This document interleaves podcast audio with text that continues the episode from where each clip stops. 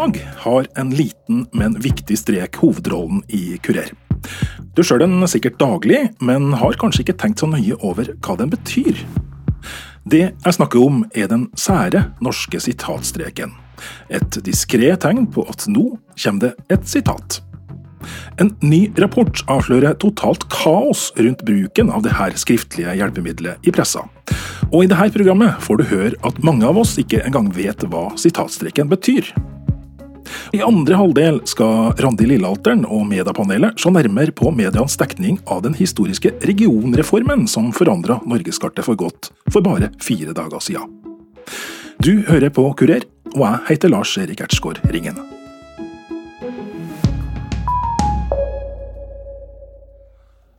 Hva slags forhold jeg har til sitatstreken? Eh, nei, litt sånn angstfylt, egentlig. Jeg vet at hvis jeg uttaler meg til, eh, til eh, mediene og vet at det skal stå bak en sitatstrek, så har jeg indre uro over hvordan det kommer til å fremstå. Det er mitt forhold til det. Hva kommer den angsten av? Nei, kanskje litt dårlige erfaringer. Ja, har nok eh, litt sånn vekslende erfaring med, med, hva som ender opp med å komme på trykk når man har snakket med en journalist. Det her er Eva Sandum som forteller om sitt anstrekte forhold til sitatstreken, eller replikkstrek som den også kalles. Det her sære skriftlige hjelpemiddelet som vi kun bruker i Norge og våre nordiske naboland, som er en strek i starten av en setning som viser at det her er noe som noen har sagt. Problemet er bare at svært mange journalister ikke gjengir ordrett hva kilden har sagt bak den lille streken, men nøyer seg med å gjengi innholdet i samtalen med sine egne ord, og da er det ikke alltid like lett å være den som har blitt intervjua. Eva Sandum, som er mangeårig medlem i pressens faglige utvalg, og sjøl har kjent på hvordan det er å ha vært et ettertrakta intervjuobjekt, forteller at journalister kan bruke sitatstreken for å justere virkeligheten folk er veldig glad i, egentlig, er mitt inntrykk, den derre muligheten man har i norsk media til å pønte litt på brura, holdt jeg på å si. Altså uh, hjelpe til litt. Formulere ting litt bedre. Men det som eh, ofte går gærent, er jo når man oppsummerer det et intervjuobjekt har sagt, i en tittel eller overskrift, eller til og med noen ganger på en forside. ikke sant? Og så fremstiller det som et sitat, men det er ingenting som et intervjuobjekt har sagt. Det er bare en slags sånn forkortelse, et eh, gjengivelse av det journalisten oppfatter som meningsinnholdet i intervjuobjektets eh, uttalelser. Og det blir jo veldig rart, for det, det fremstår jo da som et sitat som noen har sagt, og så er det ikke det. Den viktigste grunnen til at Eva Sandum er med i dette programmet, er at hun er en av medlemmene i det såkalte Kildeutvalget, som har intervjua både pressefolk og mennesker som er intervjua av pressa, for å se nærmere på hvordan det er å forholde seg til norske medier.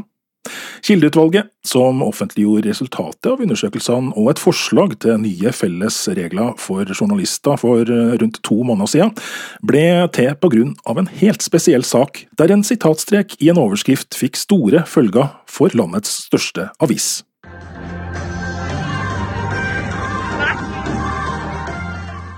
Det var VGs journalist Lars Joakim Skarvøy som intervjua Sofie Bakkemyr etter videoen som viste at hun dansa tett med daværende nestleder i Arbeiderpartiet, Trond Giske. Det ble litt mye, skrev Skarvøy i en tittel bak en sitatstrek. Og streken antyda at Sofie Bakkemyr hadde sagt det her, men hun nekta. Og til Medie24 fortalte Lars Joakim Skarvøy at han ikke kunne bevise hva som ble sagt. Jeg kan ikke svare på hvorfor Sofie forteller en annen versjon eh, av hva som skjedde med henne og Trond Giske på danseklubben Bar Vulkan eh, i dag, enn det hun fortalte meg. Eh, men det som er viktig for meg å si, er at eh, det Sofie har vært igjennom, har helt åpenbart vært en enorm belastning for henne, og at eh, jeg gjorde en for dårlig jobb eh, i å forberede henne, i å Eh, å sette henne inn i hvordan denne saken kunne slå ut eh, med det sitatet som hun ble sitert på i VG. Eva Sandum har altså sittet i det utvalget som har vurdert pressens behandling av kilder, som Sofie Bakkemyr. Og den er superinteressant, for det, eh, det ble gjengitt bak sitatstrek at eh, Sofie sa eh, 'så ble det litt mye'. Og, og, så kan det være uenigheter om, om det, hvorvidt det ble sagt eller om det ikke ble sagt, for det fins det ikke noe bevis på, for ingenting ble tatt opp i den dialogen med det intervjuobjektet. Men eh, hvis man tar utgangspunkt i at det har blitt sagt, da, så er det jo sånn nettopp Det kan være så mange ting, for hun kan jo ha sagt det etter en annen setning som ga det en litt annen kontekst. Hun kan ha ment noe annet. Så man kunne også se for seg at eh, et intervjuobjekt satt og prata, og så sier journalisten ja, ble det litt mye? Ja, ikke sant? Og så, er, og så, blir det et sitat, og jeg sier ikke at det skjedde i det tilfellet her, men altså, det er jo egentlig ikke sånn helt innafor, men det gjøres veldig mye. Men det er veldig mange ting som kan ligge bak et sitat, sånn som praksisen er i Norge i dag. Da. Og det er jo egentlig ikke bra, for det, eh, som leser så skal man jo vite at oi, her er det noe som siteres. Da er det faktisk det som uh, er blitt sagt. Sandum forteller at undersøkelsen av hvordan sitatstreken blir brukt, avdekka et kaos. Noen pressefolk mener at sitatstreken signaliserer at nå kommer det et ordrett sitat, mens andre mener at de bare kan gjengi hva intervjuobjektet mente eller sa, uten å sitere dem ordrett. Det er ikke noe sånn at eh, de ulike mediehusene har sin offisielle holdning. Det varierer veldig fra journalist til journalist i samme redaksjon. Da. Folk gjør litt uh, det som uh, passer dem. Og så er det noen som selvfølgelig har skrevet sånn, mer eller mindre hvordan praksisen skal være. Men ja, det er veldig, veldig ymse. Og det gjør jo at folk ikke vet hva de kan forvente av en journalist, og det er jo et problem. For det her handler jo i bunn og grunn om at det er grunnleggende viktig at folk har tillit til hva som skjer når du møter en journalist. Og hvis du ikke aner når du prater med en journalist om du kommer til å bli sitert korrekt eller ikke, om du får sitatsjekk eller ikke, hvordan eh, praksisen er, så, så, så får du jo den indre uroen. Du veit ikke hvordan det kommer til å bli, og det er jo ikke noe bra. Hos eh, landets største mediehus, VG, som fikk Gunvollan rysta av Bar-vulkansaken, har Robert Simsø jobba som vaktsjef i mange år. Nå en leder for Breaking News i avisa, og mener kildeutvalgets rapport er meget viktig. Eh, jeg mener at alle journalister bør lese eh, de intervjuene som har vært der, og det de har lagt fram i ettertid. For det er ganske skremmende å tenke på at eh, vi har journalister rundt omkring som praktiserer dette helt ulikt. Og for meg var det faktisk var det faktisk svært overraskende å lese hvordan det blir praktisert her og der. Altså at jeg mener man, man, skal ikke rett og slett bare sette noe bak en eh, sitatstrek som er en oppsummering av det personen mener ut fra det du har tolket personen eh, til. Det, det holder ikke. Og det holder ikke nå eh, dit vi er kommet i journalistikken. Simsø innrømmer at det også har vært kaos i VG. Og det har vært, må vi innrømme, en Eh, ulik praksis internt i VG også, fra avdeling til avdeling. Det kan være fra eh, redaksjonell leder til redaksjonell leder, og, og en ulik praksis fra journalist til journalist. Jeg har vært vaktsjef i VG i ti år, og under meg, når jeg har vært på jobb, så har det vært sånn at det som skal stå bak en sitatstrek, det skal være ordrett det intervjuobjektet har sagt. Heller ikke i NRK, hvor Per Arne Kalbakk er etikkredaktør, har dette nå vært noen standard på hva sitatstreken skal signalisere. Det er jo en standard som er nedfelt gjennom Vær varsom-plakaten, men at det er en standard i form av en felles forståelse av en felles praksis, så er svaret på det nei. Det er i stor grad opp til den enkelte journalist egentlig å, å finne ut hva man legger i hva det betyr å gjengi meningsinnholdet i et sitat. Etikkredaktøren beskriver NRKs forhold til sitatstreken slik. Jeg vil si at eh, både jeg og NRK og journalistikken har et sammensatt og litt problematisk forhold til eh, sitatstreken. Det, alle som jobber i mediene vet jo at det markerer at nå er det et intervjuobjekt, en kilde, som sier noe, eller journalisten som stiller et, eh, stiller et spørsmål. Det er det ikke alle som vet. Og så er det sånn at sitatstreken i norsk tradisjon. Den markerer at da gjengir man noe en kilde har sagt, men det er ikke nødvendig å gjengi ordrett hva kilden har sagt. Det holder at man gjengir meningsinnholdet. Og det har den problematiske siden at det over tid gjør noe med presisjonen, og det gjør ting med presisjonen som jeg mener ikke er bra.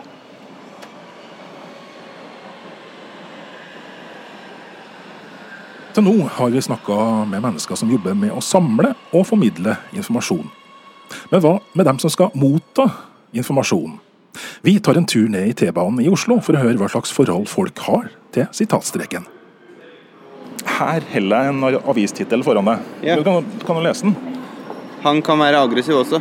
Milner om Klopps andre side. Ja. Men så ser du en liten sånn strek helt foran på tittelen. Vet du hva den betyr? Mm, nei. det er et godt spørsmål. Ja, hvis jeg sier at det er en sitatstrek, kalles det. Ja.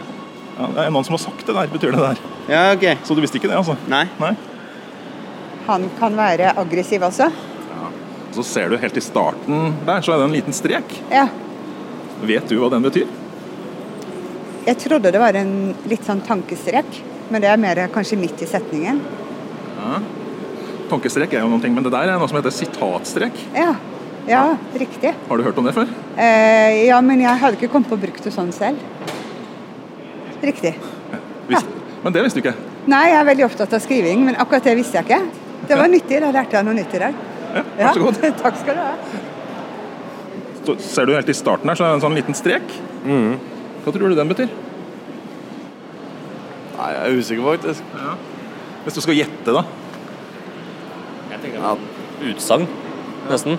Liksom påstandaktig. Han kan være. Altså, Det er mer en mening da, enn fakta. Hvis jeg sier at det er noe som heter et sitatstrek, har du hørt om det? Jeg har hørt om det, men jeg har ikke tenkt på det. Nei, Nei det betyr at uh, Milner her da har sagt det om Klopp. Ja, sånn, ja. ja. Jeg kan ikke huske det fra norsktimen. At vi brukte sånne streker, akkurat.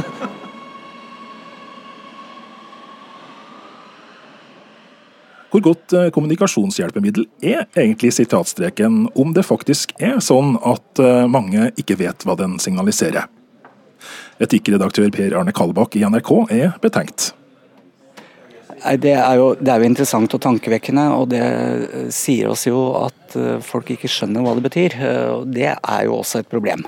For vi setter jo en sitatstrek foran en tittel for å tydelig markere at dette er det noen som har eh, sagt. eh, Som ikke er, altså Dette er ikke redaksjonens oppfatning av en sak.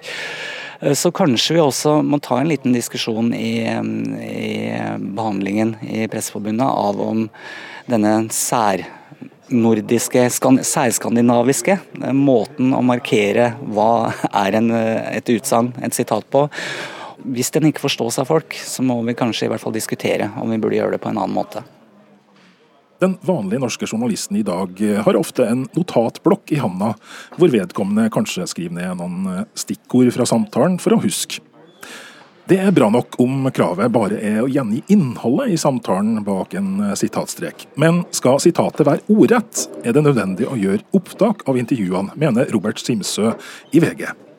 Ja, jeg, men, jeg mener det. Eh, Jeg mener at en journalist som går ut og møter en kilde, og spesielt en profesjonell kilde, eh, da skal man bruke båndopptaker. Og jeg mener også at det setter premisser for intervjusituasjonen eh, på- det nivået det bør ligge på. Da. Jeg har hatt eksempler selv hvor, jeg- hvor jeg legger fram båndopptakeren og sier fra nå av så tar jeg opp det vi snakker om. Eh, Hvis du ikke ønsker å si det, så, så, jeg, så, så må vi snakke om det i det du sier det, eller like etterpå. Men det som, er, det som blir sagt fra nå, det er det du sier i intervjuet. Og det mener jeg, når man gjør premissene klare for alle mennesker, eh, om at dette er en intervju, intervjusituasjon, så skjerper det eh, kilden og intervjuobjektet. Og det gjør journalistikken og, og intervjuet mye bedre. En annen metode for å forsikre seg at den som er intervjua faktisk kjenner seg igjen i de sitata som blir publisert, er såkalt sitatsjekk. Altså at intervjuobjektet får lese saken og eventuelt rett på feil på forhånd. Per Arne Kalbakk ser et par utfordringer med den fremgangsmåten. Jeg mener det gir eh, i hvert fall to eh, ganske store problemer eh, opp mot kildene. Folk som ikke er vant til mediene, blir kanskje intervjua av en journalist og får sendt over noen sitater i beste fall før publisering, eller leser en sak etter publisering, kjenner seg ikke igjen i det som blir sagt. Ringer kanskje journalisten og sier ja, men det, jeg kjenner meg ikke igjen i dette, og så svarer journalisten jo jo, men jeg har gjengitt meningsinnholdet i det du sier. Det gir jo ingen mening for, for noen egentlig, som ikke kjenner dette stammespråket. Og så gir det et annet problem opp mot profesjonelle kilder, som har batterier av informasjonsavdelinger, kommunikasjonsrådgivere, hva det måtte være. Hvor vi opplever stadig oftere at det å sende over sitater til sitatsjekk, det er ikke en sånn uh, sjekk av at man har gjengitt ting som ble sagt riktig. Det er starten på en forhandling om hva denne maktpersonen egentlig heller skulle ønske at hun eller han hadde sagt. Uh, og begge deler svekker Eh, troverdigheten til journalistikken og autentisiteten i journalistikken. og Det er noe jeg mener vi bør bort fra. Kildeutvalgets rapport anbefaler at det innføres en nasjonal standard på hva sitatstreken skal bety. Det den som blir intervjua sier, skal formidles ordrett, og eventuelle omskrivinger skal gjøres tydelig. I løpet av 2020 blir pressens egne etiske regler justert slik at vi får en norsk standard. Men de to største mediehusene i landet har allerede stramma inn bruken av sitatstreken. Vi har en slags offisiell startdato hvor vi har ambisjon om at eh, denne, denne nye praksisen er innført. Det hadde vi fra nyttår. Fra nå av så skal VG kun ha ordrette, fulle sitater bak en sitatstrek. Det er viktig for oss. Du hører på NRK P2 og mediepanelet Kurer, hvor du til nå har hørt at norske media er i ferd med å standardisere bruken av sitatstrek. Nå står Randi Lillealteren klar i studio med ukas mediepanel.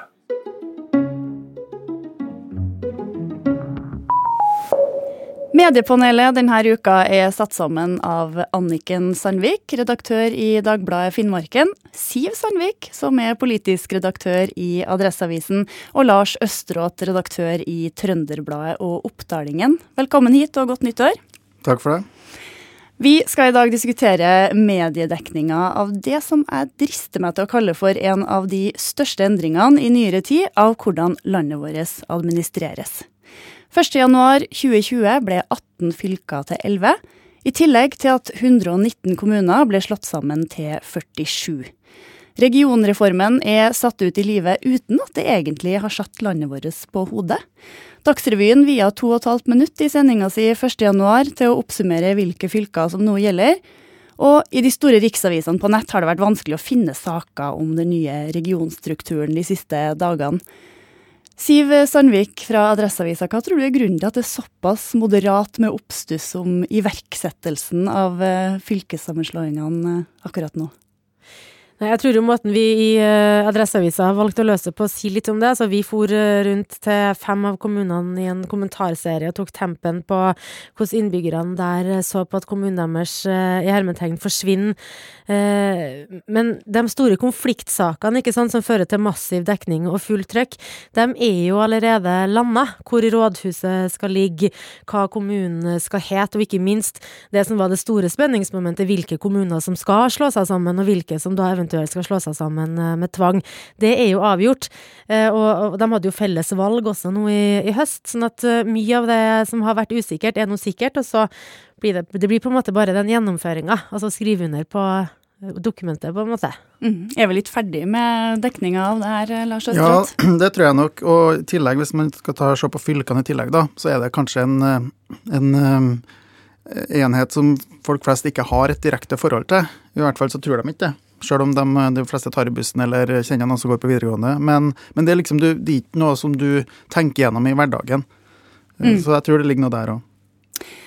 Anniken Sandvik, eh, i Finnmark så har det vært mye uenighet og høy temperatur fram til motstanderne av fylkessammenslåinga innså på et vis at slaget var tapt.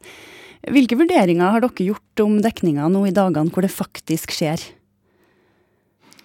Ja, Det har jo, som du sier, vært høy temperatur egentlig hele veien, og det er det fortsatt. Uh, I Finnmark så er det jo sånn at denne motstanden mot sammenslåingen er jo på ingen måte over, uh, selv om sammenslåingen er et faktum.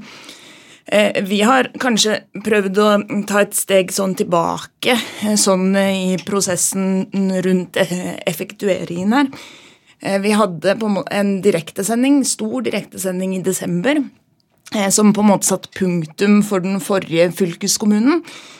Eh, og så har vi nå eh, loddet stemningen opp mot sammenslåingen. Vi var oppe på fylkeshuset i går. Vadsø er jo vertskommunen for Finnmark fylkeskommune. Og nå ikke vertskommunen sånn sett for Troms og Finnmark fylkeskommune, så vi var oppe og loddet stemningen blant de ansatte der i går. Eh, så vi har rett og slett eh, forsøkt oss på en sånn statusoppdatering rett og slett på hva skjer nå, og hvordan går denne overgangen fra Finnmark fylkeskommune til Troms og Finnmark fylkeskommune. Mm. Hvordan har dere jobba med dekninga av fylkessammenslåinga i de ulike fasene som har vært? Nei, det, Mye har jo handlet om å eh, følge debatten, rett og slett. Mye har på en måte gått av seg selv fordi at debattklimaet har vært eh, til dels både eh, veld, Det har vært veldig høy temperatur da, egentlig hele veien.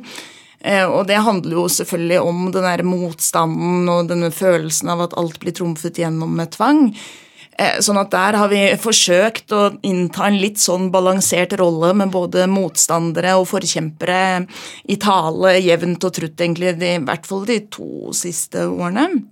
Eh, samtidig som vi også har forsøkt å gå litt i dybden på det rent sånn faktiske her. Hva betyr dette her? Eh, hva slags konsekvenser vil det få? Man endrer jo styresett f.eks. fra ja, til parlamentarisme for Finnmarks del, det er jo nytt. Så det er en del sånne ting vi har forsøkt å se på hva det faktisk vil bety, da. Mm. Eh, Siv Sandvik, eh, Trøndelag har jo vært et sammenslått eh, fylke i to år allerede. Og i motsetning til i Troms og Finnmark så har det gått ganske gemyttlig for seg. Hvordan har Adresseavisa jobba for å avdekke konsekvensene av sammenslåinga de her siste to årene? Det som har uh, prega debatten i Trøndelag, har jo vært mye lokaliseringsdebatt. Det var jo en deling der Steinkjer i, gamle Nord-Trøndelag fikk administrasjon, og Trondheim fikk uh, politikerne. Uh, og så er det mange i Steinkjer som protesterer og opplever at det blir et litt sånn stille sig av stillinger sørover. også når vi ser på, på samferdselsdebatt, så er det eh, ofte at stemmer fra nord, der fylkeskommunen alltid har vært viktigere enn den har vært sør eh, i fylket, og vært en mye større del av samfunnsdebatten. Altså Trønderavisa har jo hatt en mye sterkere dekning av fylket enn hva, hva vi i Adresseavisa har hatt, det skal jeg bare innrømme. Eh, sånn at eh, det er en lokaliseringsdebatt, og det er fortsatt folk som passer på at eh, nordfylket blir ivaretatt. Det er ikke sånn at vi eh, at alle sammen tenker at ja ja, så lenge det er i Trøndelag, så, så går det greit. Mm. Her har du bare si at her er det kanskje forskjellen med at en stor og en liten blir sammenslått. Og debatten og protestene vil alltid være større i den lille, tenker jeg, for man, man er redd for å bli overkjørt av den store. Kjenner du deg igjen i det, Anniken Sandvik i Vadsø? Ja, veldig. Her også er det jo lokalisering som har preget eh, det aller meste av debatten. Og da Vadsø er jo sånn sett liten i Finnmarkssammenheng også, eh, ettersom Alta og Hammerfest og Kirkenes eh, er større byer. Eh, så man føler seg på en måte kanskje allerede som liten i Finnmark, og da blir man jo enda mindre, selvfølgelig, i et sammenslått Troms og Finnmark.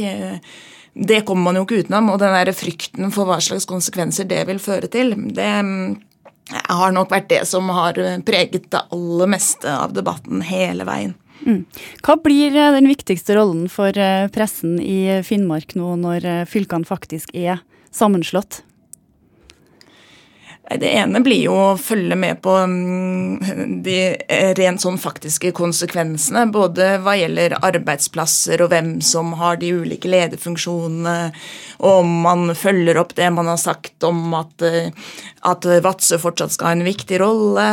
Eh, de helt sånn konkrete tingene der, type arbeidsplassen, fylkeskommunen. Eh, men så er det jo også det som egentlig er mye større, er jo det demokratiske oppi dette. For det er jo ikke noe tvil om at Troms og Finnmark er en kjempestor region geografisk sett.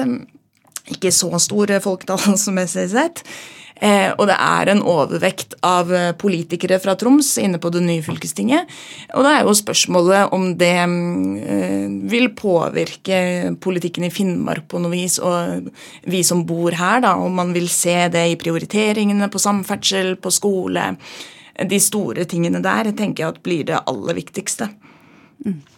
Det er åpenbart at dette er viktige, viktige ting for lokalpressen å følge med på, Lars Østeråt. Men eh, en fylkessammenslåing er jo ikke noe som innbyggerne kjenner på kroppen umiddelbart. Hvor interessert tror du folk sånn generelt i Norge er i nyheter om regionreformen, og som den faktisk er? jeg, tror Hvis du sier ordet regionreformen, så har du allerede mista ganske mange. Uh, men, men uh, hva skal jeg si at Folk sier at 'å, nei, jeg er ikke interessert i politikk'. Jo, men du er det. Du bare vet ikke det. Du vet det. Du er interessert i barnehage eller skole, eller når det gjelder fylke, da, så er det samferdsel, vei, eh, videregående skoler, første linje, de har dem. Og det er klart at det påvirker hverdagen til folk hver dag, det. Eh, sånn at det, jeg tror jobben vår blir å få fram konsekvensene av det, politikken, det som drives, de daglige beslutningene som blir tatt. I Trøndelag har man akkurat gjort opp en stor eh, diskusjon om framtidig videregående struktur, og hvor skal linjene ligge, og klart at det er kjempeviktig for små skoler kanskje i distriktene å beholde linja si, ikke sant. Mm. Ja, eh, det var det vi rakk i mediepanelet i dag. Så vi får ønske alle lykke til i det nye omstrukturerte Norge. Takk til Anniken Sandvik, redaktør i Dagbladet Finnmarken, som var med oss fra Vadsø. Siv Sandvik, politisk redaktør i Adresseavisen. Og Lars Østråt, redaktør i Trønderbladet og Oppdalingen. Og det var Randi Lillealteren som styrte mediepanelet i dag. Jeg heter Lars Erik Ertsgårringen. Vi høres igjen neste lørdag.